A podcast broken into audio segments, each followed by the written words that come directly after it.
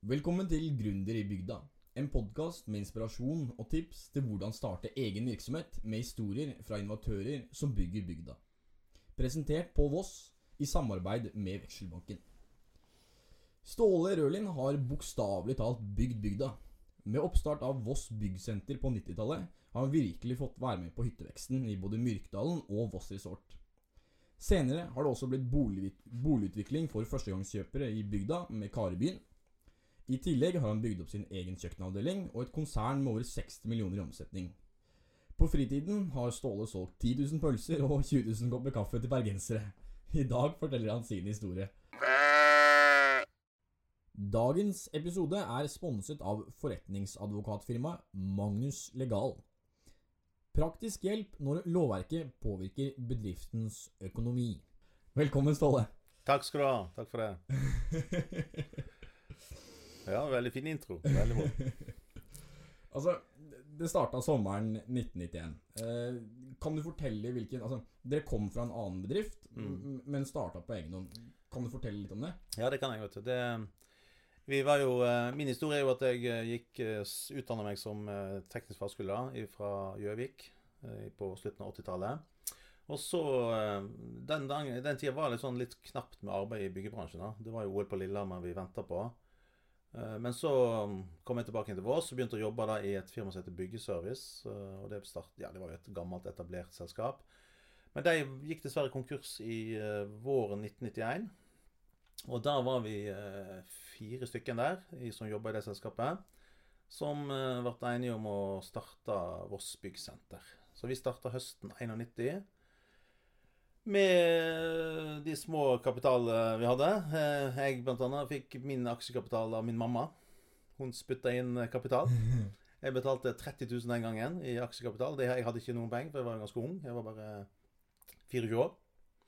Så der eh, kom vi i gang, og derifra så har jo på en måte Voss Byggsenters historie bare gått videre, da. Med ja, fra å være fire eller to-tre årsverk, da, som vi var den gangen, til det vi er i dag, da. Hvor mange er det i dag? I dag er vi på konsern, hvis du ser oss på som et konsern da, med alle bedriftene, så er vi 26 ansatte i gjengen. Mm.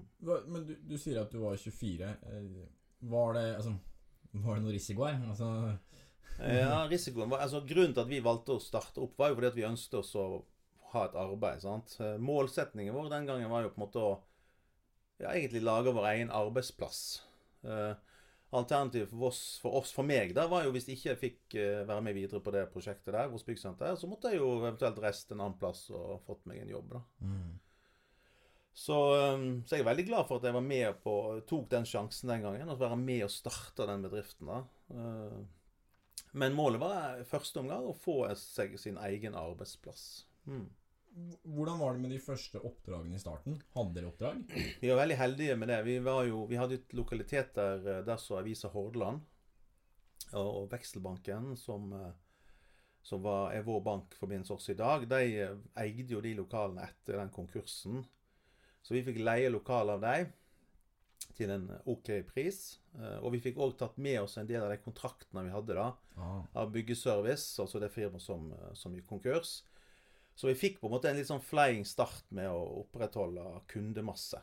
Eh, og så eh, ja, og så måtte vi jo selvsagt gjøre en jobb sjøl med å selge nye prosjekter. da, eh, Hus- og hytteprosjekter i, i den tida. Men hvis de gikk konkurs, Mm. hvorfor skulle dere klare det noe bedre? Det er et godt spørsmål. Det var jo fordi at vi, vi, vi tror vi var ganske målbevisste, vi fire som satser på det. da. Vi var jo for så vidt litt sånn fin aldersspredning. Eh, det var meg som var yngst, på rundt 24, og så var det da noen på rundt 30, og så var det faktisk noen som var eldre enn sånn ca. 40. Så vi hadde på en måte, men, men alle sammen var på en måte i en situasjon der de, de hadde ikke jobb. Mm. Og da var det jo naturlig å prøve å skaffe seg en jobb, altså å lage seg en jobb. Alternativet var jo ikke å finne andre arbeidsgivere, da. Men eh, vi ble enige om at det ville ikke vi, vi ville prøve å satse på. Så, så hadde vi jo et Lillehammer-OL. Jeg tror jeg kan være litt sånn eksempel på Det var noe på gang i Norge. sant? 94 som det kom. Og eh, selv om Voss ikke var på Lillehammer, så var det på en måte likevel en positiv eh, Mm. stemning i befolkningen i Norge, da, vil jeg tro. Og og det ble en del husbygging. eh, og etter hvert hyttebygging, da, som sagt. Og ja, vi klarte på en måte å bygge opp mer og mer av ordrereserve og god produksjon og omsetning òg, etter Mm. hvert. Mm. Men du sier at du er yngst og eldstemann er 40. Mm. Hvorfor ville de ha med deg? Ja, det, det, det blir kanskje ikke jeg den rette å svare på. Eh, Jeg får jo håpe og tro det var fordi at jeg hadde ungt pågangsmot da, eh, den gangen der. Eh, Må jo ha med både personlighet og andre ting å gjøre. Jeg var jo òg utdanna, selvsagt, eh, via byggebransjen med husbygginger eh, og teknisk fagskole. Så nei, jeg tror at det var min personlighet som kanskje var viktig for deg, da. Mm. Å ha med. Jeg var jo selvsagt den en bill, altså Det var jo jeg som hadde minst innskudd i aksjekapital, for jeg var jo den som hadde dårligst økonomi. Sant? Det var jo kommet rett fra skole og hadde jo for så vidt ikke noe økonomi. Men, eh, men jeg har jo på en måte bygd meg opp underveis, underveis i det, da. Men eh, jeg håper og tror at det var meg som person og mine Mm. evner og det jeg kunne tilføre, som var viktig for, eh, for de andre. Mm. Og holdt jeg på å si det Dere er et byggmesterfirma. Ja. Hva er det? Ja, det kan du si. Byggmester. Jeg er jo på en måte ikke en byggmester, men jeg er en teknisk fagskoleutdanna person. Altså det vil si at eh, Boss Byggsenter driver på en måte på mine papir. For å drive en byggmesterforretning så må du på en måte ha et papir. Eh, Og i dagens samfunn så er det jo eh, ja, krav til eh, ansvarsretter, som vi kaller det. Vil si at du må ha ansvar for det faget du på en måte bygger. Eller husbygging, så blir det jo ansvar for tømrerarbeid, grunnarbeid og sånne ting. Så en byggmester i dag, han er jo på en måte den som på en måte har ansvar for bygningen. Det er altså trearbeidet, da, vil jeg si. Tømrerarbeid på et bygg. Så, så en byggmesterforretning er kanskje ikke det det heter lenger. I dag heter det kanskje huskonsepter, eller Men vi er jo medlem av Blinkhus-konseptet, som er vårt eh, kjedekontor. Og, og der er det jo da mange bedrifter som er på en måte gamle byggmesterbedrifter, da. Så ja. Er, er dere medlem av mestergruppen nå? Ja, det er riktig. Eh, Blinkhus er jo da på en måte en, eh, en kjede, altså et merkevare. Og så er da igjen Blinkhus en del av mestergruppens uh, okay. eierskap.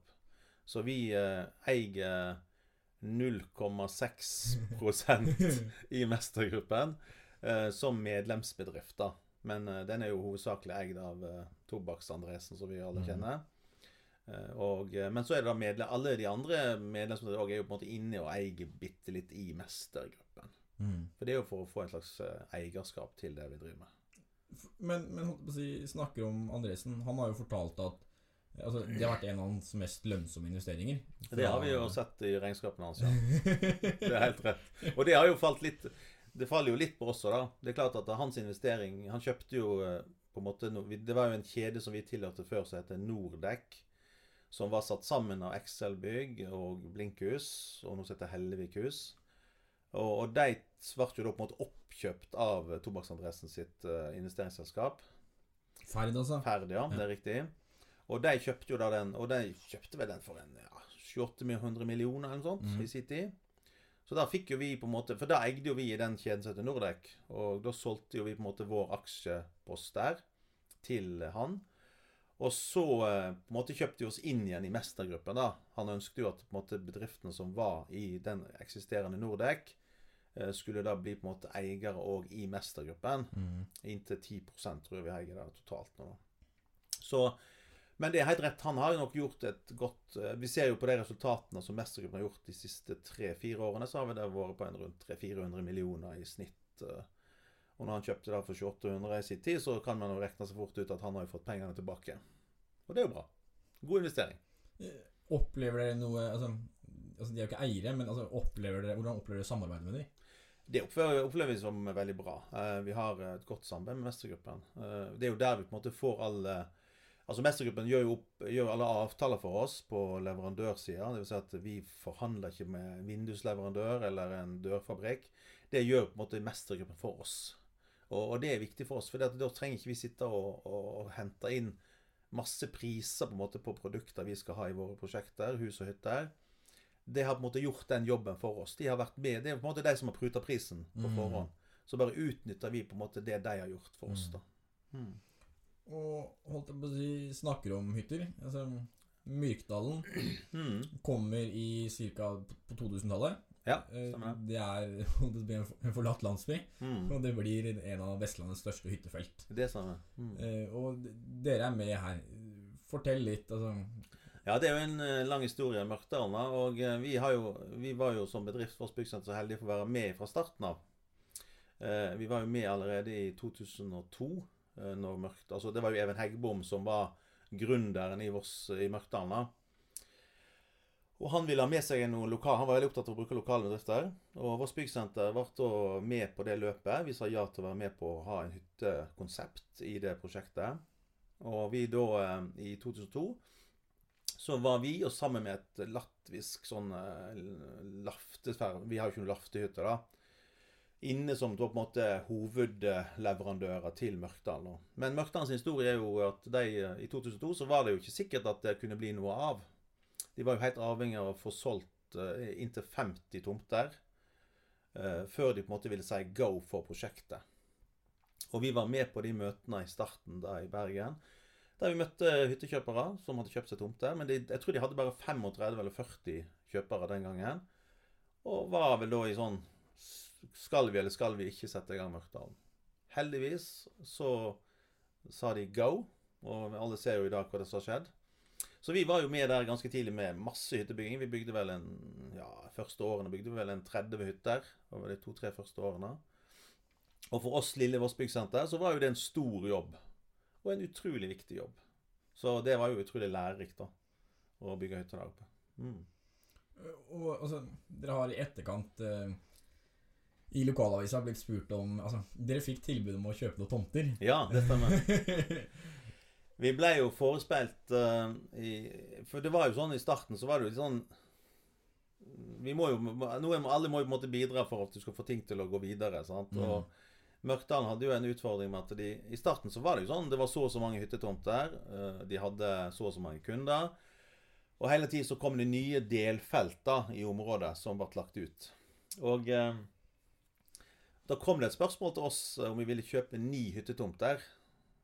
Eh, For at de, for de var jo, de har jo utgangspunktet så er det jo tomteutviklinga som har vært deres eh, kanskje viktigste ting for å kunne bygge opp eh, infrastruktur, og selvsagt òg få opp heisanlegg. Mm. Så vi fikk tilbud om å kjøpe ni tomter. Eh, Vi fikk tilbud om å kjøpe dem for tre millioner. For alle sammen. Ja. Og prisen på én i dag er vel Én tomt der oppe i dag nå er vel på 3, et eller annet Ja. million. Ja. Så eh, der var vi feige. Og det kan vi jo ettertid si at vi var. For vi syns jo tre millioner for ni tomter var jo for så vidt en grei pris. Men tre millioner i 2003, eller hva det var, var jo samtidig mye penger. mm. Så vi feiga ut. Men samme, de samme tomtene ble jo da seinere, ikke så mange år etterpå, solgt for sikkert uh, bortimot en million per stykk. Mm. Så der gjorde vi en uh, feilvurdering. Det er helt klart. Og holdt jeg på å si Kan du forklare oss den prosessen altså, fra altså, Her har jeg en skog. Det er en Mm. idé om at jeg har lyst til å bygge, bygge en hytte. Kan du Ja. forklare den her prosessen med å regulere altså, fra skog til hyttetomt? Ja, det er jo selvsagt en eh, prosess som eh, Vi har jo regulert en del lokalt, da, altså i Voss kommune, da, eller Voss herad nå, da. Men det går jo på at du har et område, det kan jo være en grunneier eller et eller annet, som har et eh, areal som man ønsker å utvikle. Og her på Voss er det sånn at da må jo det ofte presenteres og tas med seg kommuneplan, som revideres hvert fjerde år her, da, i kommunen. Og da er det jo eventuelt å få Og vi har jo utvikla noen hyttefelt, og da går det jo på ja, og husfelt for så vidt også, da. Men da går det jo på at da får du et område. Du har et uh, kart eller et areal som du da skal regulere. Og da er det jo for kommunal behandling på det. Uh, sånn som Karebyen er jo et eksempel på det. sant? Det var næring, men det ble jo gjort om til bolig, da. Så da er det jo en prosess du må gjennom, da. En planprosess, som vi kaller det. Der du skal først eh, legge det ut på offentlig høring. Og da skal alle instanser som eventuelt eh, har mening om dette, her, alt fra fylke til Vegvesen, veivesen, selvsagt kommunen og kommunelege, alt skal jo da ha mulighet til å ta ja, På en måte komme med innspill, da. Pleier det å komme mange? ja, det, som ofte så kommer det en del. Hvis du er i et nabolag der du har naboer som er uenig, så kommer det i hvert fall mange. For det er jo naboene kanskje imot at det skal bygges noe der. sant? De offentlige statene handler jo mer om eh, at det blir ivaretatt eh, skole, barnehage, infrastruktur med gang- og sykkelvei og alt dette her. Men det kommer en del, og da må jo planprosessen da ta hensyn til de innspillene. Og så må man jo da på en måte Enten man var enig i det som kom inn som innspill fra både lokalt, altså nabo og offentlig, eller en har andre løsninger da, som får, får løse den der eh, saken. da. Så når dette her, denne prosessen er gjennomført, så blir det jo lagt fram for eh, politisk behandling. Og eh, de fleste reguleringsplaner i dag må jo behandles kommunalt, altså i kommunestyret. Eh, Og der er det jo da enten go eller ikke. Men som oftest har en avklart veldig mye før en kommer til kommunestyret. sant? Planavdelingen i kommunen er jo flinke og på en måte hjelper til med å gjøre de rette vurderingene der. Mm. Må du ta hensyn til alle innspillene som kommer? Nei, du må ikke det. Men det er klart hvis det er klart hvis en nabo er uenig i at det kommer et hus der Mm. Fordi at han mister sol, så er jo det en vurderingssak, sant. eh, Om man må ta hensyn til det ikke. Men man bør i hvert fall ta i vare de innspill som kommer, da. eh, Og se og vurdere det opp mot det som eventuelt en har planlagt sjøl. Men en trenger ikke i utgangspunktet ta, eh, ta hensyn til alt. Det trenger en ikke. Men altså Det er en politisk prosess? Til slutt så Ja, det blir jo en politisk prosess. Eh, polis først nå har jo vi Vi har jo et nytt prosjekt nå som vi samarbeider med disse her eh, Mels, noe som vi kaller for Melstunet her nede på Skulstadmoen. Og der er det sånn at eh, førstehåndsbehandling i politisk er jo at formannskapet sier ja til at vi kan få starta planprosessen. Og da er det jo det som er første. Så, så politikerne vil jo hele tiden bli involvert i prosessen når du lager en reguleringsplan. Så, så du kan ha flaks eller uflaks med hvem som sitter i kommune... Altså hvem som har makta på det tidspunktet, eller? Ja, men det, nå er jo Voss heldigvis sånn at det er noe parti, mye partipolitikk her, så det er jo sånn at eh, Hvis du har en god plan, så er de fleste politikerne for en god plan. Ja, ok. Eh, men klart, har du en dårlig plan, så vil jo det også selvsagt bli diskusjon. Det er Sånn vil det alltid være. Mm. Mm. Og Voss Byggsenter har blitt et lite konsern. Dere omsetter for 60 millioner. Mm. Forklar, forklar de ulike selskapene. Ja, vi, vi har jo eh, på en måte danna et konsern basert på at vi valgte å lage litt forskjellige driftsformer. da. Og vi har jo et eh, Voss Byggsenter som på en måte var utgangspunktet for alt. Så valgte vi jo Vi kjøpte jo den, vår, den næringstomta som vi har butikklokale på. Den kjøpte vi i 2004. Og da danner vi et, noe som vi kalte for et eiendomsselskap, eh, som da på en måte ble eier av bygget. Og det selskapet var på en måte også tenkt som et tomteselskap. Da. Det vil si at alt som foregikk på bakken, vil si at vi kjøpte vi en tomt, så var det der, og så bygde Voss Byggsenter prosjektet. Mm. Altså byggingen. Men så har jo en, hatt en kjøkkenbutikk i mange, mange år. Den har jo vært en del, altså det har på en måte vært en avdeling i Voss Byggsenter, historisk. Men i 2011 da, så valgte vi å så skille det ut som et eierselskap òg. Voss Kjøkkensenter. Og danna da et AS med en dagleder der. Og eh, slik at de fikk drive sitt eget selskap, uavhengig av Voss Byggsenter. Men da en del av det konsernet vi da har. Så i dag har så er vi så eh, gjort Hierarkiet vårt er jo sånn at vi har et eiendomsselskap der eh, vi som eier, er eierne. Og det er jo da bygningen vi har kontorer i. Og så har vi et driftsselskap da, som er Voss Kjøkkensenter, som driver med kjøkken. Vi har et Voss Byggsenter som driver med hus- og hyttebygging. Og så har vi også et et selskap som heter Vossasnekkeren, som er et rehabiliteringsselskap. Vi kommer tilbake til det senere. Ja. Mm. Men altså Kjøkkensenter, hva, hva er det? Kjøkkensenter det er ene og alene kjøkkensalg til forbruker og til proffmarkedet, altså prosjekter. Ja, ok. Og, og eh, vi var, har jo vært så heldige at uh, i Mørkdalen, uh, med, i samarbeid med Nils Akselberg og den gjengen der, så har vårt kjøkkensenter fått lov å levere kjøkken fra nesten dag én. Ja.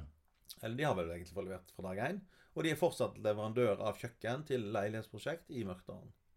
Så det er jo, eh, Derfor så var det litt naturlig å lage et eget selskap der òg. Så vårt kjøkkensenter har jo bare vokst og vokst, eh, eh, og har nå seks ansatte. Fire konsulenter og to montører. Og i fjor så omsatte de det for nesten 20 millioner, og var vel nede, var vel, begynte kanskje på en 8-10 millioner i første året når de drev på alene. ja, men holdt jeg på å si, hvordan går det? Og Det går veldig bra. Kjøkken, altså, kjøkken for så mye penger? Ja, det er mange som skal ha kjøkken. Kjøkken er jo en, eh, kjøkken og bad i et hus eller hytte er jo ofte det en av de store investeringene man har. Mm. Og kjøkken har jo på en måte endra seg litt òg. Før var det jo sånn at man i gamle dager så skulle man ha et kjøkken. Mm. Det skulle være et rom for seg sjøl. I dag er jo kjøkken blitt integrert mye mer i stue og mer med fellesareal. Og produktet har på en måte utvikla seg voldsomt i forhold til størrelse, og ikke minst alle elektriske fasiliteter man kan ha i et kjøkken. Så, så kjøkken er blitt en stor andel for mange. Eller det er, jo, det er jo en stor andel av huset i dag. Eller Mm. hytta, da. Mm. Dagens episode er sponset av advokatfirmaet Magnus Legal. Magnus Legal er forretningsadvokater. De har kontor i Oslo, Bergen, Trondheim og Stavanger. Og kunder over hele landet. Selv om skatt og avgifter er spydspissen i virksomheten, kan selskapet tilby advokathjelp som dekker de aller fleste behov for bedriftskundene. Visste du at det er arbeidsgiver som tar den største risikoen dersom det blir tvist om et arbeidsforhold, og ikke rettighetene og pliktene til arbeidstaker er tydelig beskrevet i arbeidsavtalen? Mange virksomheter bruker ikke nok tid og ressurser på å utarbeide gode arbeidskontrakter. Det kan føre til unødvendige konflikter og kostnader i ettertid. Advokat Eva Mellemsæter gir gode råd om arbeidskontrakter på blogg.magnuslegal.no. Eh, en av gründerne eh, ble pensjonist. Mm. Hvordan håndterer man en slik overgang? Ja, det, den, når vi, hun eh, som var som kjøkkenkonsulent, eller var hun som var eldst da, i vår start, hun eh, ble jo pensjonist.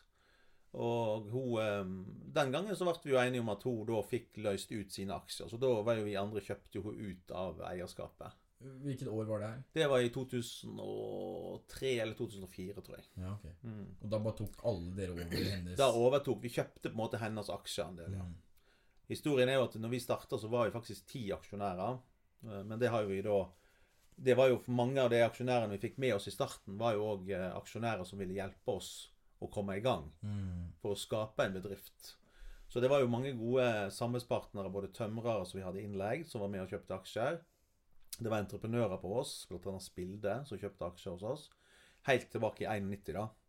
Men de hadde jo bare en interesse av å få oss i gang. Og så har jo de blitt løst ut fortløpende. Så du kan si egentlig når hun eh, kjøkkenkonsul, hun som var pensjonist på 2002-2003, da var det den siste aksjonæren. Så nå, vart- så nå er vi jo tre stykker da, som er eiere i selskapet. Hvordan fungerer det å være tre? Det fungerer bra. Eh, Da er vi i hvert fall ikke to. Så vi, og vi er vi uenige, så kan vi ha to mot én eller ikke. Så, men tre har fungert veldig bra. Mm. Vi har forskjellige meninger om eh, veien, men jeg syns det har vært sunt å være tre stykker i, i eierskapet. Mm. Helt klart. Så byggebransjen har endra seg. Altså, dere har kommentert det litt selv. Og, altså, valgmulighetene har blitt så veldig mye mer. Ja. Kan du fortelle litt om den endringen du har sett fra du starta? Ja, den, den endringen som har skjedd de siste 30 årene altså vi har drevet, er jo på en måte at uh, samfunnet vårt har jo endra seg òg, sant. Og hu, altså, hu, hva skal jeg si Hus Man kjøper og selger hus mye mer of, eller oftere enn man gjorde før. I historisk, når vi på 90-tallet, 80-tallet og sikkert 70-tallet òg, så var det jo Man kjøpte seg hus for at man skal bo der resten av livet. sant? Det er det ikke lenger. I dag er det sånn at folk kjøper seg en bolig, leilighet eller hus, og har vel kanskje ikke sagt at det er her jeg skal bo resten av livet. Så der tror jeg forbrukeren har endra seg veldig. Eh, og så har folk og mye kortere andre, altså Når de bestemmer seg for å kjøpe noe, så trenger de ikke så lang tid. Før var det sånn at hvis man først skulle kjøpe noe, så var det liksom, å, man måtte bruke et år på å tenke seg om. Nå er folk mye mer raske til å handle, hvis du skal få si det sånn. Mm. Så det har endret seg eh, veldig på forbrukersida. Det har det. Har dere opplevd noe digitalisering? Ja, masse digitalisering. Det er jo klart at eh, eh, vi som eh, leverandører eller, eller husprodusenter da, må jo ta mye mer hensyn til samfunnets utvikling og sånt. Så oss som blir over 50 nå, da, så om vi skal bruke timeregistrering foregår på app, og sjekklister foregår på app, og ja, flotte ting. I gamle dager så var det et papir og et baklomme, og sånn ble huset det var ferdig. Nå er det ikke sånn lenger. Nå skal det dokumenteres til den siste, minste ting. Så, dere har også bygd et uh, titalls hytter til Voss Resort. Ja, det stemmer. Uh, og det er vel også kommentert at det er opp mot 8 millioner i kostnadsramme eh, på noen av de hyttene der. Mm. Har hytteeierne blitt mer kresne? Nei, det vil jeg ikke si. Eh, men, men, men penger blant folk er blitt mer av. Eh, Folk har råd til å kjøpe seg større prosjekter, og større hytter spesielt. Og vi har jo, noen av hyttene vi har bygd, er jo 8-10 millionersklassen, sant. Det kan helt sikkert Altså, vi ser jo det at om, om, eller når folk selger hytter nå, så er det jo eh, Ja, nå har det en ny rekord igjen, et eller annet med 10 millioner, eller hva det var. Så forbrukerne har jo fått mer penger. Mm. Eh, og Voss Altså Voss Resort så er det vel mye bergenskanten som har kjøpt seg hytte, da. Og det er nok penger blant en del folk i bergensområdet. Eh, så jeg, vil ikke si at de er blitt kresnere, men de, de, vil ha, de, vil ha en, de vil ha en luksus som de har hjemme, da, hvis du kan si det sånn. da. Før i gamle dager så var du fornøyd hvis du fikk deg en hytte. Nå er det liksom sånn en hytte, og det er litt viktig hvor du har hytta, tror jeg. Og i forhold til de interesser man har, da, ikke minst. sant? Fritidsinteresser. Noen vil ha hytte på alpinanlegg, og noen vil ha hytte på eh, langrennsski. sant? Så... Mm. Men jeg tror det er veldig mange flere som har fått råd til å kjøpe seg hytte da, Mm. enn det var før. Eh, Men eh, nei, de vil ha det bra på hytta. De vil komme på hytta og De må ikke sette i gang og fyre opp og finne ut om de har strøm eller ikke. sant? De vil ha det så de Fasilitetene må være bra. Ser du noen forskjell på kundene i Voss Resort og Myrkdalen? Nei, egentlig ikke. Eh, Voss Resort-kunder og Mørkdalen-kunder tror jeg litt har med Nei, det tror jeg er mye samme type kunder. Begge er vel på jakt etter å komme i et uh, alpinmiljø. Samtidig så har de jo hytter på Altså i Voss, da. Eller på Voss. Så nei, jeg vil ikke si at det er så veldig stor forskjell på, egentlig. Eh, det kan ha noe med historie. sant? De har kanskje mer tilhørighet til Voss, eh, altså til Bavalen og anlegget her, enn de hadde til Mørkdalen. sant? Mørkdalen er jo et helt nytt konsept. Mm. sant? Mm. Eh, Kan du sånn, forklare byggeprosessen? altså, Hvordan bygger man et hus? altså, vi, har, vi, har vært med, vi har tatt oss gjennom reguleringen, Ja. men, men selve byggeprosessen Nei, det er jo eh, Byggeprosessen er jo igjen, da. Igjen må vi jo søke kommunen om å få bygge et hus eller hytte. Og da blir det jo eh, Igjen er det at alle faggrupper må på en måte ta sitt ansvar når vi sender søknad om å få bygge noe. Og så starter man jo med et grunnarbeid. da. Altså det er jo et, Først skal det jo tegnes et hus eller hytte. Det skal lages et kart over hvordan det skal plasseres i terrenget. altså Det vi kaller for en situasjonskart. Og det danner jo da grunnlaget for altså Det blir jo på en måte da dokumentasjon som vi skal bruke i prosessen. Men, men ofte så graver man mye. Ja, man Hvordan- graver mye. Hvordan, men hvordan vet du på forhånd altså, terrenget der? Nei, det er jo, det er jo eh, kunnskap Altså, det blir på en måte Man vet, man finner jo fort ut om det er fjell, eller om det er jord, eller om det er grus eller sand. Og terrengets uh, profil vil man jo fort finne ut. Et situasjonskart skal jo på en måte da fortelle oss eh, terrengets profil. Ja, Hvordan vet du det? Altså, Tar du tester? Nei, det får jo du ut fra kartgrunnlag. Ok. Men du kan gjøre noe som vi kaller for bonitering. Det vil si at du sjekker eventuelt eh, terrengets Om det er leire, eller om det er grus, Ja. eller om det er fjell. Sant? På forhånd, hvis du er usikker på om det er det. da. Men her finnes det utrolig mye lokalkunnskap, i hvert fall på oss, da, om hvordan terrenget er. da. Eh, Hva som er av jordsmonn, som vi kaller det her. Så det pleier ofte å være en ganske grei eh, ting. eh. Ja, ok. Men ja, du lager den situasjonen Situasjonskart og terrengprofiler og sånt. Og da bygger, det er jo grunnentreprenørene som graver. Han må jo grave ut ifra det. Han fjerner masse, tilfører masse. Og så blir det jo planert ei tomt da, ut ifra en forutsetning som er lagt på, på kartet. Dere gjør ikke den jobben. Nei, den, den entreprisen leier vi inn fra våre lokale grunnentreprenører. Og vi kjøper òg grunnarbeid, altså betongarbeid av de fleste lokale her, da. Så der kommer jo på en måte de inn og gjør en grunnarbeid og betongarbeid. Og så kommer vi eh, som byggefirma da, og bygger dette prosjektet oppå en støpt plate eller en grunnmur. da. Ok. Mm. Så Og, ja, og, og altså Hvordan fungerer samarbeidet med under- underentreprenører? Altså fordi Du sa at det er bygg altså, Det er ferdig støpt, ja. men når dere begynner å bygge, så må dere ha innleid elektrikere, Ja. rørleggere og En eh, kjøper, altså en, De fleste kjøperne vi har i dag på hus og hytter, de, eh, de kjøper jo ofte en totalentreprise. Altså de kjøper et konsept av oss. da. Eh, De ønsker på en måte å ha med én leverandør å gjøre. sant? Og vi er jo på en måte den ene, da. Så vi hjelper jo ofte kundene med å lage en totalpris på et prosjekt. Om det er et hus eller hytte. da. Og så er det vi som henter inn eh, entreprise fra grunn og betong, rør, elektro, eventuelt murerfaget. da, Ventilasjon og sånne ting. Så hvis du kjøpte et hus hos meg, så sier jeg jeg vil egentlig bare kjøpe hus, så vil jeg at du skal ta deg av resten, så gjør vi det. mm. Og så blir det en sum. Hvordan, altså, Da har jo dere den kundebehandlingsrollen Mm. nå. Hvordan er det? Ja, den er jo veldig viktig, for det handler jo om eh, forbrukerens ønsker. Sant? Hva de ønsker å ha. Først begynner jo med å velge seg et eh, hus eller hytte. Du skal kanskje Man liker jo forskjellige ting, sant? så vi har jo katalogmasse, da. Eh, Vi, nå, vi har Blinkhus, som er vårt huskonsept. Og så har vi nå satsa alt på Saltdals hytte, som vi nå har begynt med. Så der er jo hyttekonseptet. Og der er det jo ofte der kundene begynner å leite. Eller noen kunder kommer med arkitekttegner. Det kan jo være at de har vært lokale arkitekter og fått tegna seg et hus eller ei hytte. Så blir jo prosessen da å finne innhold i dette. her, sant? Hva skal de ha av eh, materialvalg? Og kjøkkenkonsulenter som da er inne på banen og skriver tegner kjøkken, bad. Ja. Hva skal man ha i tak, hva skal man ha på vegg, hva skal man ha på gulv? Og der er det jo en prosess som da må lages, og, og beskrivelser på alt dette her. da. Er folk kristne? Folk er veldig forskjellige. Noen er veldig enkle og gjør egentlig akkurat det vi sier, mens andre har veldig sterke og klare meninger om hva valg de ønsker å gjøre. Noen kunder blir jo mer krevende, og noen har jo også av og til vanskelig for å bestemme seg. Mm. Hva skal jeg ha i taket, hva skal jeg ha på veggen, hvordan skal kjøkkenet se ut? Så det, og det skjønner jeg, for det er jo veldig vanskelig. sant? Det er jo en investering som er stor. Og man ønsker jo å gjøre et rett valg. sant? Og man er jo Interiørblad det er jo da hopetalls av. Og da skjønner jeg at det, det å sette sammen et hus eller hytte i dag, det handler jo om å sette sammen de rette materialvalgene. sant?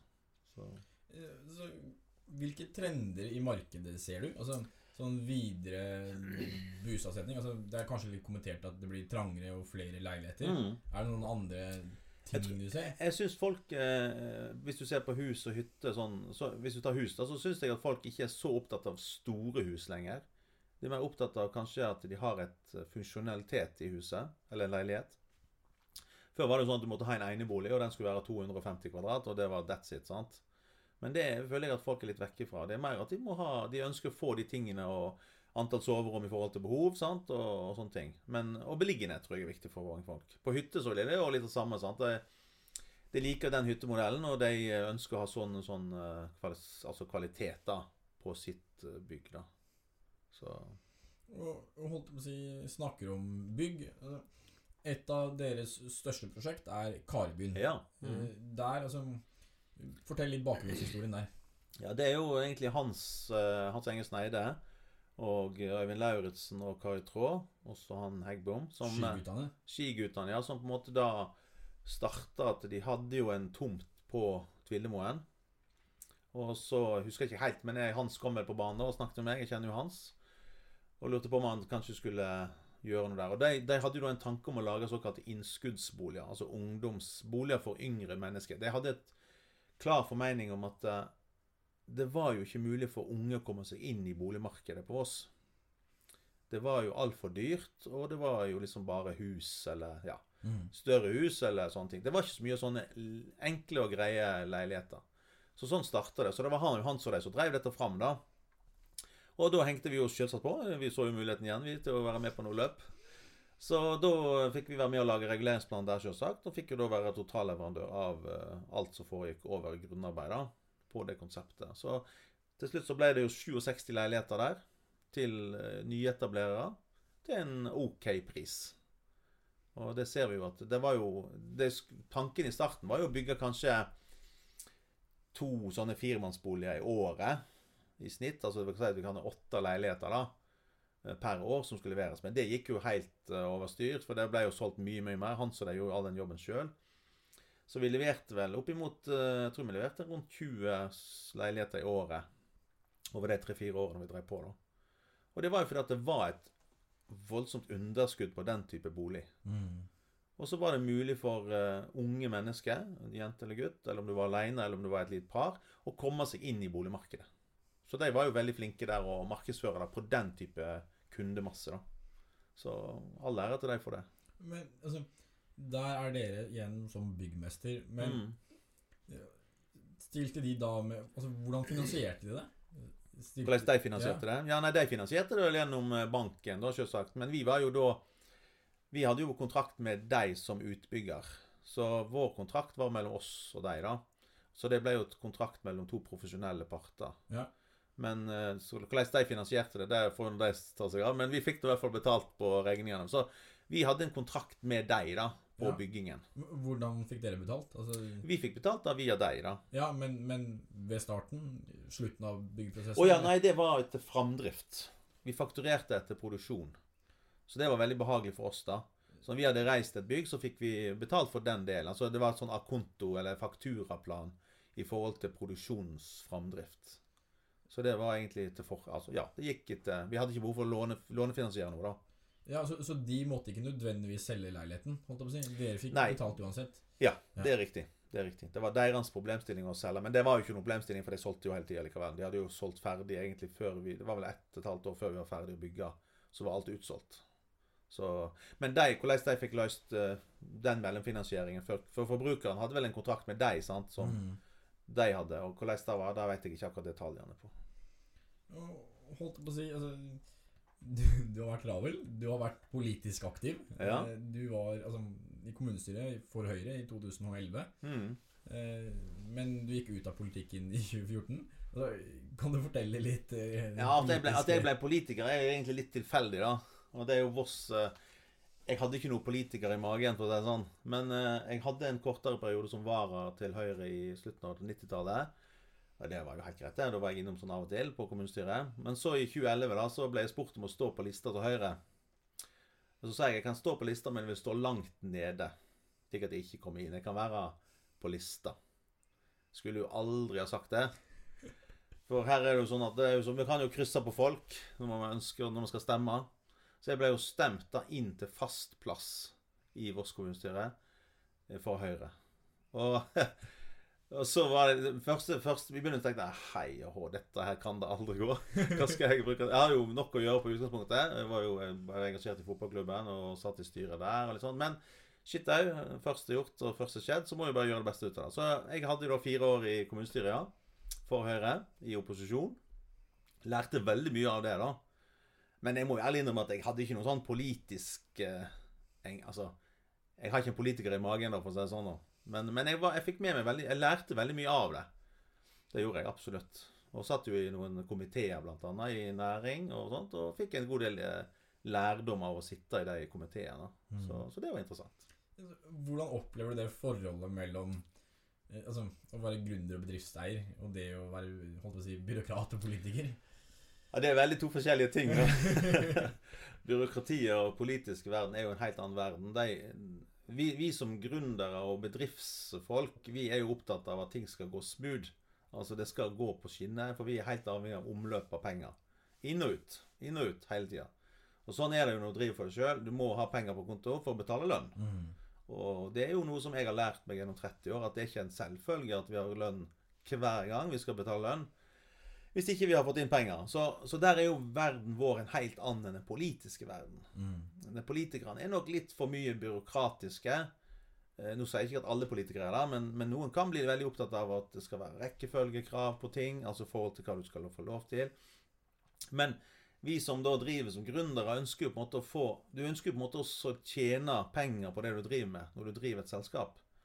Så da kan vi synes av og til de kan være litt firkanta på vurderingene sine i forhold til næringsviktigheten av det. sant? Hvis du skjønner. For bedriftene, for alle bedrifter som driver oss eh, med utvikling av Altså som private, da, er helt avhengig av at det går raskt. Både i behandlingstid, og at det får raskt omløp av penger.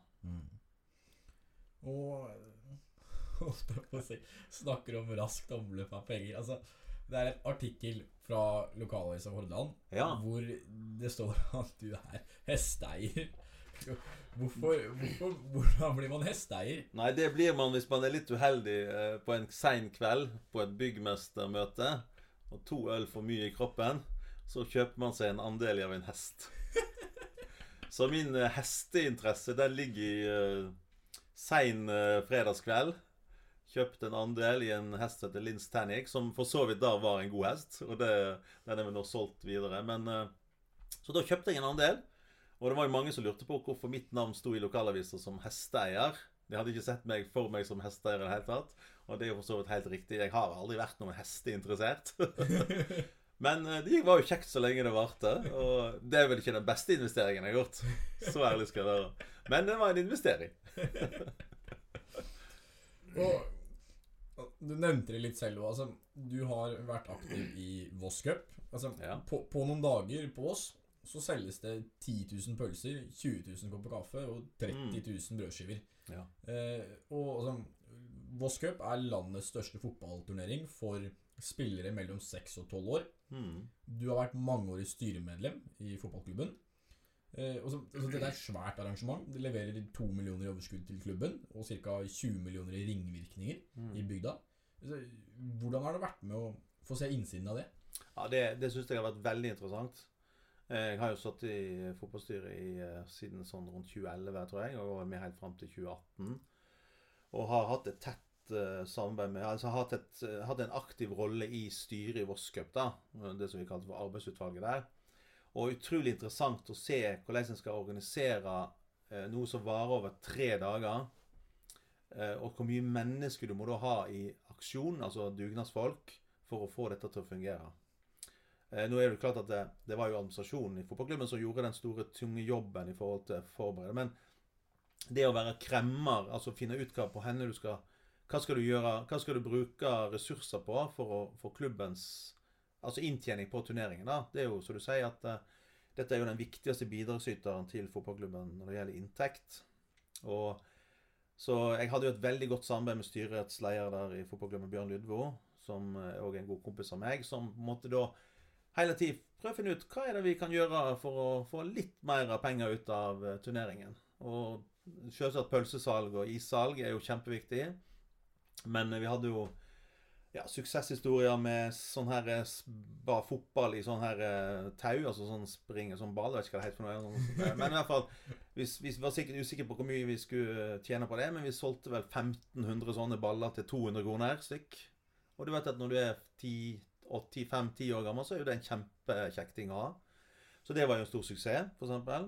Og så var det jo fotballkort som kom opp fra noen, eksempel. Dette med å få fotballkort med bilder av seg sjøl. Så du kunne bytte med dine lagkolleger eller lagkamerater og sånt. Så det var jo liksom å finne på noen nye ting hele tida, da. Som skapte inntekter til klubben. Så var det jo selvsagt en viktig faktor at eh, de som kom her, følte seg eh, mottatt. Altså gjestfritt. eh. Og der er jo vossingene fantastisk flinke, da. Vi er jo ei dugnadsbygd. Og de tusen som var i dugnadsarbeid på Voss Cup, det er jo bare helt fantastisk. Det går ikke an å, å premiere det. på en måte. Det er bare Alle ville på en måte at vår, eller, våre gjester skulle ha det bra på Voss Cup. Så nei, fantastisk eh, dugnadsgjeng under Voss Cup. Men eh, kjekt å kjenne det på innsida, hvordan det foregikk. Mm. For det er jo en bedrift, på en måte, det òg, sant. Du skal kjøpe noe, du skal levere noe.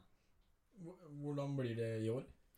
Nei, siste, rykt, siste rykte jeg har hørt da, eh, fra innsiden, er at det kanskje ikke blir i år heller, Mm. Voss Cup, dessverre. Det er jo, vi er blitt rammet av korona på alle fronter, så vi får jo bare Men jeg, jeg, jeg, jeg tror ikke de har offisielt avlyst det, men de, de vurderer jo selvsagt hver dag Mm. sikkert hva de skal gjøre med Voss Og det er jo veldig trist for uh, både bygda, ikke minst, for næringslivet.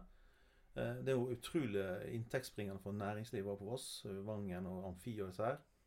Så ja, litt trist at ikke vi får arrangert Vosscup i, på to år, kanskje. Ja, og holdt på å si altså, to år med to millioner overskudd. Det er fire millioner i Ja, nå er det vel noen kompensasjonsordninger som de kjemper for da, for å få Ja. inn, tror jeg. Så det har vel løst seg litt for de der, da. I hvert fall i 2020. Men eh, 2021 er vel litt mer usikker kanskje hvordan kompensasjonsordningen blir, da. Mm. Så, men jeg tror 2020 har gått bra for fotballklubben i forhold til at de har fått eh, kompensasjonsordninger på det. Mm. Altså, vi Vi snakka så vidt litt om det. Altså, dette med byggeteknikk Altså, dere har blinkhus, som er altså, litt fine hytter. Og så har du det som vi snakka om, Saltdalshytta, Mm. eh, som er en litt annen måte å bygge på. Ja. Eh, Kan du fortelle litt forskjellen på det? Ja, altså Blinkhytta eller Blinkhytta er ikke så mye Blinkhus er jo på en måte mer konsept der vi bygger etter kundens eh, en ønske, kan du si. Altså man har et ønske om å bygge seg et hus. Mens Saltdalshytta det er et konsept der du på en måte har en mer sånn ferdig løsning. Der folk på en måte Du kan egentlig ikke endre så mye på hytta når du får katalog. Du må velge det, den, den tegningen og den formen på hytta. Men du kan kanskje påvirke materialvalg, altså panel innvendig, gulvtype, kjøkkentype og sånne ting. Mens eh, blinkhytter eller blinkhus velger jo mer av Der tegner vi på en måte litt mer etter kundens eh, ønske. Sant? Så. Og å si, altså, snakker om kundens ønske. Altså, Dere kommer med det som heter Vossasnekkeren. Eh, Ja. Det, det er blitt Mm. omtalt altså, som litt sånn EU-kontroll for hus. eh, Ja, EU-kontroll for hus var på en måte en sånn eh, Jeg vet ikke om det var et godt ord, men det var et ord vi fant på, da. Det var jo på en måte at eh, Voss har jo veldig mye eldre bebyggelse, altså husbygging. Vi har jo mye bygging på 60-, 70- og 80-tallet. Og alle disse husene må jo rehabiliteres, og der er det jo et stort marked. Og på landsbasis er det jo sånn at vi får jo en del opplysninger fra mestergruppen på dette med hvor henne, hvor henne omsetningen havner henne i samfunnet. Mm. Og da, vi- Vi kaller jo dette for rotmarked, altså rehabilitering. Det kaller de for rot. Og rotmarkedet, altså rehabilitering, den har øka og øka, mens det har vært mer stagnasjon på nybygg. Mm. Og da så jo vi òg at her er det klart at hvis vi skal ha en fot til å stå på, hvis det blir mindre nybygging, så må vi ha noe rehabiliterings... Og derfor så danner vi Vossasnekkeren. Og EU-kontrollen da kom på en måte at eh, ja, du har et hus fra 80-tallet, og det bør kanskje gjøres noe med. Og da kalte vi det for en EU-kontroll, akkurat som en bil. sant? Mm. At du må kanskje sjekke om du må skifte tak, eller skifte vindu, eller sånne ting. Mm. Jo, holdt på sånn du, Dere ble intervjua i forbindelse med 25-årsjubileum deres. Mm. Eh, og da uttalte du at eh, du har så mange røverhistorier at du kunne skrevet en bok. Kan, ikke vi, kan ikke vi få høre en røverhistorie? Ja, altså Røverhistorie er jo mange. Hvis vi tenker sånn Jeg husker faktisk at jeg sa det på det intervjuet. Men ja, nei, røverhistorie er det, Vi har jo solgt utrolig mange hus og hytter historisk. Og vi har hatt utrolig mange forskjellige forbrukere å forholde oss til.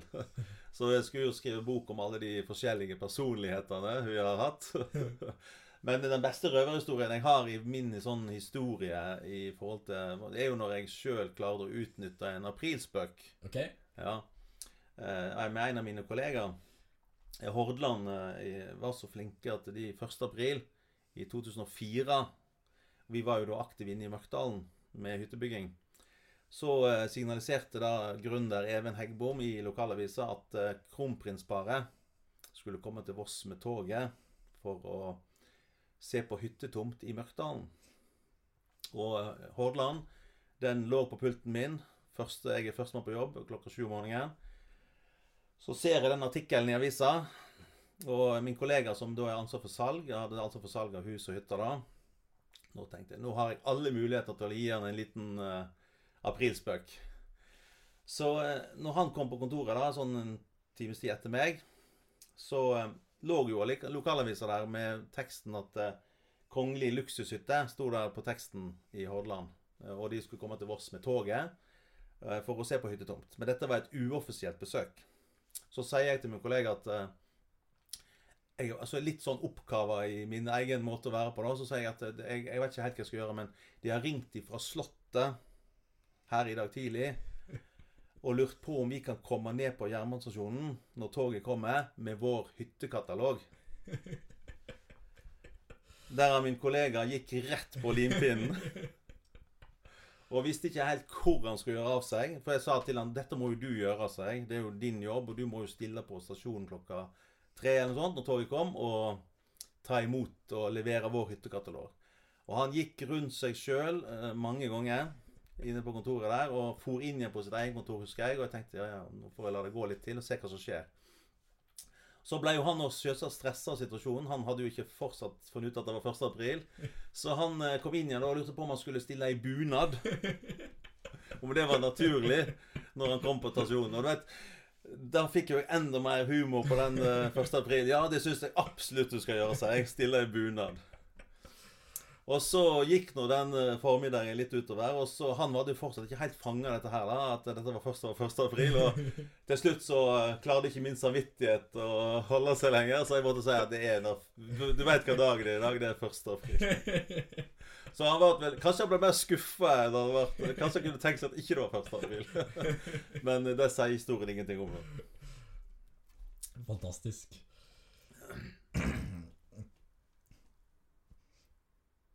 Jeg ønsker med podkasten å inspirere ungdommen til å, til å bli i bygda og, og skape Mm. arbeidsplasser her. Altså, har du noen altså, tips til det? Altså, til ungdommen? Ja, jeg syns jo det er veldig flott at uh, det er mange unge som ønsker å, å være gründere. da. Eh, så er det jo dette med å finne på Finne den rette tingen å være gründer på. Og det er sikkert veldig vanskelig. Eh, Jeg var jo heldig som, eh, i sin tid med at jeg hadde en utdanning og på en måte en eh, fagkompetanse innen det faget jeg har vært med på å starte. Men i dag så er det jo kanskje, Det er kanskje tøffere å være gründer i dag enn det var når vi var på tidlig 90-tallet. eh, I forhold til muligheter. For alle kan ikke være byggmester, alle kan ikke være entreprenør. Men vi ser jo at det er ofte det som skjer. Det spretter opp en ny entreprenør, og det spretter opp en ny snekkerfirma. Men det er klart, har du en god idé, og du har eh, noen som har trua på deg, en god investor f.eks., så er det jo veldig, veldig mange muligheter. Men jeg synes det er veldig kjekt at det er mange som har lyst til å skaffe seg, eller skape sin egen ting. da. Mm. Det syns jeg, og det må vi motivere ungdommen til. Absolutt. Så Nei, så det er jo ikke, ikke du, Hvis du, har, hvis du har, har en god idé, og du har trua på den ideen, ja, så ikke vær redd for å sette den i gang. Mm. Det kan bare gå et ræva hvis ikke det blir bra. og holdt på å si eh, altså, eh, Å skape sin egen arbeidsplass eh, Dere har skapt mange arbeidsplasser. Mm. Eh, altså, med økt vekst så krever det også flere ansatte. Hvilke erfaringer har du gjort deg med å ansette folk? Altså, hva ser du etter? Nei, det som er viktig for oss når vi har eh, behov for folk, det er jo å se etter folk som vi, som vi kan trives i, vårt, i vår bedrift. Eh, Det handler ikke Det handler jo på en måte Jeg er ikke så veldig opptatt av at de har ekstremt gode karakterer, f.eks. Jeg er mer opptatt av at de har eh, på en måte et eh, ok forhold til dette med å komme på jobb. eh, Være presis. Ikke minst stå på når de er på jobb. Og passe inn i det miljøet vi har, da. Så også ikke Dette ikke være Altså det er ikke, Hvis du våkner en morgen og har i halsen, så er ikke dermed sagt at du ikke kommer på jobb. Så Mm. like viktig er det at du, du kommer på jobb og står på og gjør en god innsats når du er på jobb. Og at du trives der. Så, så karakterene, ja, det er viktig med karakterer, og det er viktig med kunnskap. Eh, Men en god snekker hos oss, han, eh, han må være flink. Han trenger ikke ha 1800 gode karakterer, på en Mm. måte. Han må være flink og samarbeidsvillig og ja, stå på i hverdagen. Absolutt. Hvordan vet du om noen kommer til å møte opp eller ikke?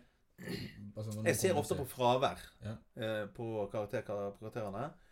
Klart at det kommer en som søker hos jobb hos oss og har eh, sånn 50 dager fravær, så er det klart at da, da, som, da ringer det i hvert fall en bjelle. Mm. Men vi er òg veldig opptatt av å bruke referanser, f.eks. Spørs ikke om dette er ny. Men vi har jo masse lærlinger for eksempel, som kommer inn hos oss. Vi har jo hatt, eh, vært en lærebedrift i mange mange år. Og der får du førsteinntrykk av folk eh, i forhold til at de kommer fra skole, yrkesskolen her, da, f.eks. Og da ja, du får jo litt innspill fra lærere og sånt om dette her er folk som er flinke, eller de er ikke er interessert, eller ikke. De har jo ikke lov å si så mye, men de kan i hvert fall gi deg et lite hint da, om det er sånn eller sånn. Men eh, jeg har lyst til å jobbe Mm. hver dag. Det er viktig. Hvordan fungerer denne lærlingordninga? Lærlingordningen hos oss, oss fungerer veldig bra. Vi er medlemmer av Mester, altså disse her eh, Byggmesterforbundet, som vi kaller det. Eller vi har noe som heter opplæringskontoret, da, som vi tilhører. Byggmesterens eller servicekontor, som det heter på rett. Så Der har vi lærlingene involvert i der. Og der har det, vi har da i vår organisasjon Det er de som følger opp lærlingene for oss. Mm. Vi har de på en måte i systemet og kontrakt med dem, og alt sånt, men de følger opp at de følger læreplanen. Mm. Det hadde blitt for mye jobb for oss sjøl å ta vare på. Så det er vi veldig glad for at Byggmesterens servicekontor, som da har hovedkontor i Bergen, følger opp våre lærlinger. da. Mm. Så akkurat nå har vi tre lærlinger inne hos oss eh, som er tømrerlærlinger. Ja. Mm. Og, og altså, med altså, Med hva skal vi si, altså internasjonalisering eh, Mm. og EU-samarbeid, så er det sånn fri arbeidskraft som, Ja. som prinsipp. Hvordan påvirker det dere? Nei, altså det er klart Vi er jo eh, i en situasjon der eh, altså Det som er Norges utfordring, er jo at vi får Vi har mindre og mindre egen arbeidskraft. Mm. I hvert fall i byggebransjen. Og vi ser jo da at det er vanskeligere og vanskeligere å få tak i ja, lokal arbeidskraft, ikke minst. Eh, Egentlig skal si norsk arbeidskraft. Og da må man jo se på utlandet sant, som et alternativ for å få tak i nok arbeidskraft. Ja, altså For vår del handler det da om produksjon. Mm. Så vi har jo ansatt eh, flere, bl.a. polske snekkere, da, eh, som er bosatt på Voss. Men er, flinke folk. Og, og jeg syns at det, om de snakker polsk eller latvisk eller norsk, er ikke så avgjørende for meg, men de må være flinke. Og så må du klare selvsagt kunne kommunisere med dem. Så jeg eh, syns det er helt eh, fair å ha gode, flinke folk, eh, og helt uvesentlig hvilket land de kommer fra. Mm. Holdt på å si, vi har, vi har snakka ganske godt. Eh, og, altså, jeg pleier ofte å stille spørsmål altså, med folk som har, har en lang yrkeskarriere bak seg og Mm. oppnådd, altså, oppnådd mye. Altså, hva tror du har vært din mest avgjørende faktor for suksess? Mhm. Det var et vanskelig spørsmål. Eh, Nei, jeg tror min, min suksess ligger i at jeg, min personlighet, tror jeg. Eh, At jeg er en utadvendt person. Eh, Jeg har gått på mange smeller, selvsagt, i forhold til yrket. Det er ikke alltid det går på skinner, men, men jeg har på en måte Man får får ikke gjort så mye med det som skjedde i går. Mm. Men man får gjort utrolig mye av det som skal skje framover. Mm. Og det er liksom en sånn livsmotto som jeg har. Som at jeg ja, Jeg får ikke gjort med noe jeg gjorde i går, men jeg kan gjøre noe med det som skjer i dag. Mm. Så, og det tror jeg er viktig for meg, i hvert fall. Og også at jeg tror jeg er en person som går an å prate med. Mm. Jeg eh, kan prate med alle, jeg. Og jeg har ikke opptatt om, om, om du er status, for å si det sånn. Altså om du er konge eller prest eller Det betyr ingenting. Jeg syns det Alle er like viktige. Mm. Eh, Altså, hva har vært den største utfordringen i, i selskapets historie? Når var det nærmest å gå gærent? Ja, det er et godt spørsmål. Eh, Jo, det nærmeste vi var å gå gærent, var jo på en måte i starten. Altså ikke, ikke, kanskje ikke i starten, men etter hvert så var jo Det er klart vi var jo helt avhengig av eh, omløpsmidler. Sant? Så det med at vi hadde salg, og at vi eh, Så det var Vi har opplevd tilbake på 90-tallet at det var eh, tøft. Vi hadde ikke nok på måte penger på konto nesten for å betale lønn. Ja, likviditet. Likviditetsmessig, ja. Og det er klart, der syns jeg, det jeg har vært belastende. Eh, Jeg var veldig opptatt av at når det er lønn, så er det lønn. Mm. Altså Man kødder ikke med lønna, liksom. Den skal komme på fast dag hver måned. Så det husker jeg tilbake til. at det synes jeg, var- Da hadde jeg ikke god nattesøvn. Når jeg liksom ikke hadde nok penger til å betale lønn. Men dette har ikke skjedd mange ganger i vår historie, men det skjedde veldig, kanskje litt i starten av historien vår. da. Hvordan takler du det, da? Nei, da må man jo krype ned i banken og spørre om man kan få litt likviditet. Ja. Og Vekselbanken har jo vært vår partner fra dag én. Og øh, bør jo skryte av dem nå, hvis jeg skal ha litt byggelån framover. og de har alltid stått opp for oss. For de, har jo de må jo òg ha trua på oss igjen. sant? Mm. Det er klart at uh, Du kan ikke få likviditet hvis ikke du har noe å vise til i framtid. Da er du ikke liv laga for bedriften. Men de har alltid stått oss de få gangene vi har hatt behov for dette. her. Mm. Men det er jo en tøff ting å være når du er gründer og driver for deg sjøl. Det er ikke alle snekkere eller alle som vet at det, ja, eller, De vet jo om det, men, men pengene må jo komme en plass Mm. for at du skal kunne betale ut igjen. Mm. Og, og altså, dere har hatt en jevn utvikling de siste årene. Mm. Hvordan ser de neste årene ut? Det ser veldig positivt ut. Eh, Vi har, eh, vi har nå satsa på denne Saltashytta, som Mm. er et konsept som eh, Nå er jo hytte i Norge blitt veldig pop. Eh, Ikke minst fordi at vi får ikke lov å komme ut av landet, nesten. sant? Så det har jo vært en boom. Så vi har jo så, jeg tror vi har solgt ti Saltdalshytter nå i vinter. eh, Gjennom et salgsledd der, da. Så det vil jo gi oss en boom nå eh, høst, utover høsten da, med bygging. Og så har vi mange gode, spennende prosjekter som vi jobber med nå. Blant annet Melstunet, da, som vi håper kan komme til neste år. Så vi ser lyst på livet, ja. Mm. Absolutt. Og vossingene tror jeg er flinke til å Ja, K5, da. Hvis vi får K5, hvis det er noen som hører det, så må du jo virkelig tro at det skjer fra 2024. da, At vi får ny vei og bra Mm. jernbane. Det vil jo skape aktivitet i bygda. Så det er klart noen vil jo komme til å flytte til Voss da. Kortere vei. Kortere avstand med tog. Så jeg ser lyst på framtida vår, ja. Absolutt. Ordremassen vår er helt uh, innafor med den uh, størrelsen vi er i akkurat i dag. Vil det fortsette å vokse? Det er alltid et godt spørsmål. Det er vanskelig å vite. Hvor stor skal man bli? Ja. Eh, blir man lykkeligere hvis man blir større? Eh, det er vi litt usikre på. Eh, vi ønsker nok å skape mer omsetning enn vi har i dag, kanskje. Men vi ønsker ikke også å utvide altfor mye heller på antall personer. Heller skape noe rundt de personene vi har. Ja, okay. Men, men det er klart, eh, en naturlig omsetningsøkning er jo på en måte prisveksten som er i samfunnet. Men eh, vi har ikke noen sånne store mål om å være en, bli en stor, stor bedrift. Det har vi ikke. Men en OK bedrift som tjener OK med penger. Føler dere noe prispress på tjenestene deres? Nei, altså vi konkurrerer jo ikke som andre på hus- og hyttebygging. Men jeg syns ikke prispresset er noe ekstremt eh, Litt er det nå kanskje, men eh, så lenge det, er en del jobb i markedet altså Det er jo de, den, den situasjonen kommer at det er lite arbeid i markedet, så kommer det automatisk et prispress. Men det har vi jo ikke opplevd på Voss på mange mange år. Kanskje tilbake til jappetida, eller 2008, når det var finanskrise, så hadde vi vel en utfordring selvsagt med at uh, ting stoppa litt opp. Men uh, nei, altså Nei, jeg syns ikke vi konkurrerer så mye om uh, med de andre, egentlig. Altså, nå har dere holdt på å si to av Vestlandets største hyttefelt her i byen. Mm. Blir det et metta marked? Ja, Det er òg et veldig veldig godt spørsmål. Eh, Mørkdalen har jo ekstreme visjoner i framtid med utbygging fortsatt.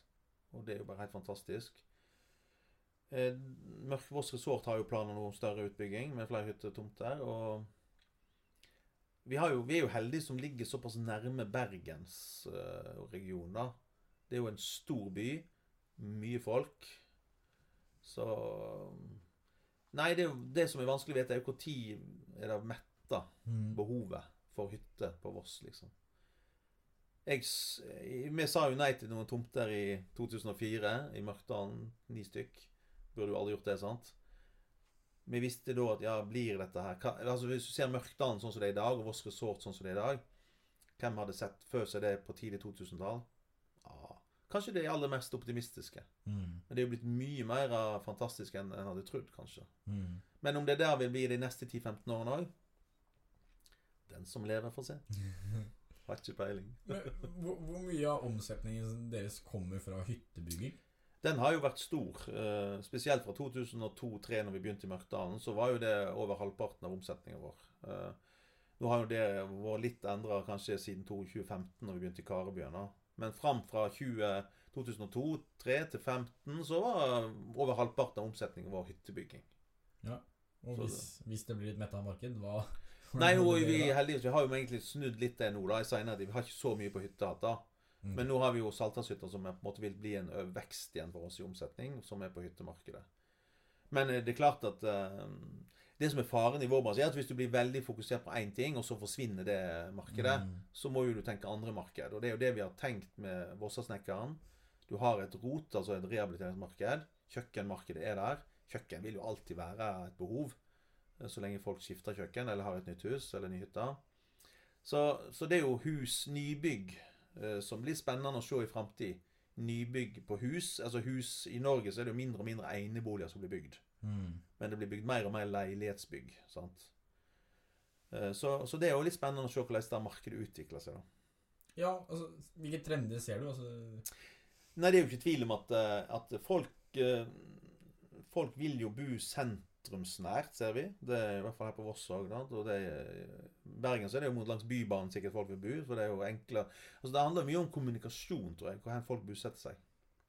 Så mm, jeg tror at huskonsert Altså, jeg tror det er viktig å utvikle sentrum på Voss, sånn som de snakker om nå. Sentrumsplan.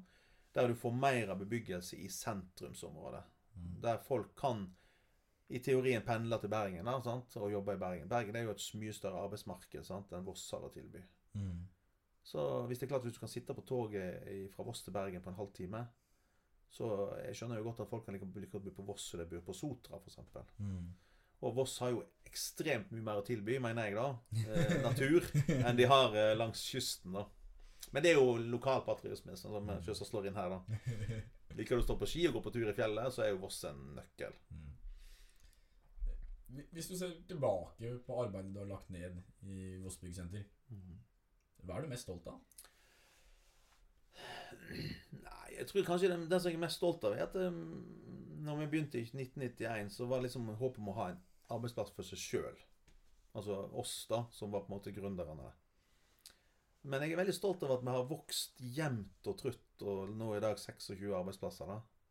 Så det er ja, kjekt å ha så mange mennesker som jobber, som har fått jobb av vår tanke, da. Vårt Mm. gründerliv. Så det er jeg veldig stolt av. Ellers er det jo mange prosjekter du har gjort som er gode, og du er fornøyd med jobbene. sant? Og det er liksom når folk sier så Vi hadde noen overleveringer i Karibyen, f.eks., til eh, noen kunder der. Jeg og Hansen hadde jo ofte det, eller Kari var med oss på det òg. Så når kunden står og griner for at de har fått seg ny leilighet, det gir det inntrykk. Mm. De griner av glede, rett og slett, for at de har fått seg en leilighet. De trodde kanskje aldri de skulle oppnå det. Mm. Den gleden av å se og få sitt eget hus eller leilighet, ja, det, det, det er flott. Det, det setter jeg pris på. Så det gir jo på en måte glede i hverdagen, da. Mm. Absolutt. Nå har vi snakka en god time. Ja, Er det noe mer du har lyst til å legge til samtalen som du føler vi ikke har belyst? Nei, jeg syns det, det var kjempebra. Jeg eh, håper ikke jeg ble trøttere å høre på. Nei, altså, jeg, jeg tror veldig det siste du forteller der, eh, med altså Det å få være med på altså, Bolig er altså, kanskje det viktigste valget mange tar. Det er og den største kjøpsbeslutningen de tar. Og, det å kunne være tett på det, Mm. tror jeg er med livene. Og som du forteller Mm. også, så er det flott å høre på. Helt enig. Det, bolig er den største investeringen mennesker ofte gjør. Og det er kanskje òg den viktigste investeringen de gjør. Sant? Så der skal de kanskje da leve i mange, mange år. Sant? Så ja, jeg vil heller selge hus enn jeg vil selge bil, f.eks. Bil er noe som har om, raskere omløp. Hus er kanskje ikke så raske omløp på. Mm. Så Nei, jeg er glad for at jeg er i den bransjen og driver med husbygging og hyttebygging.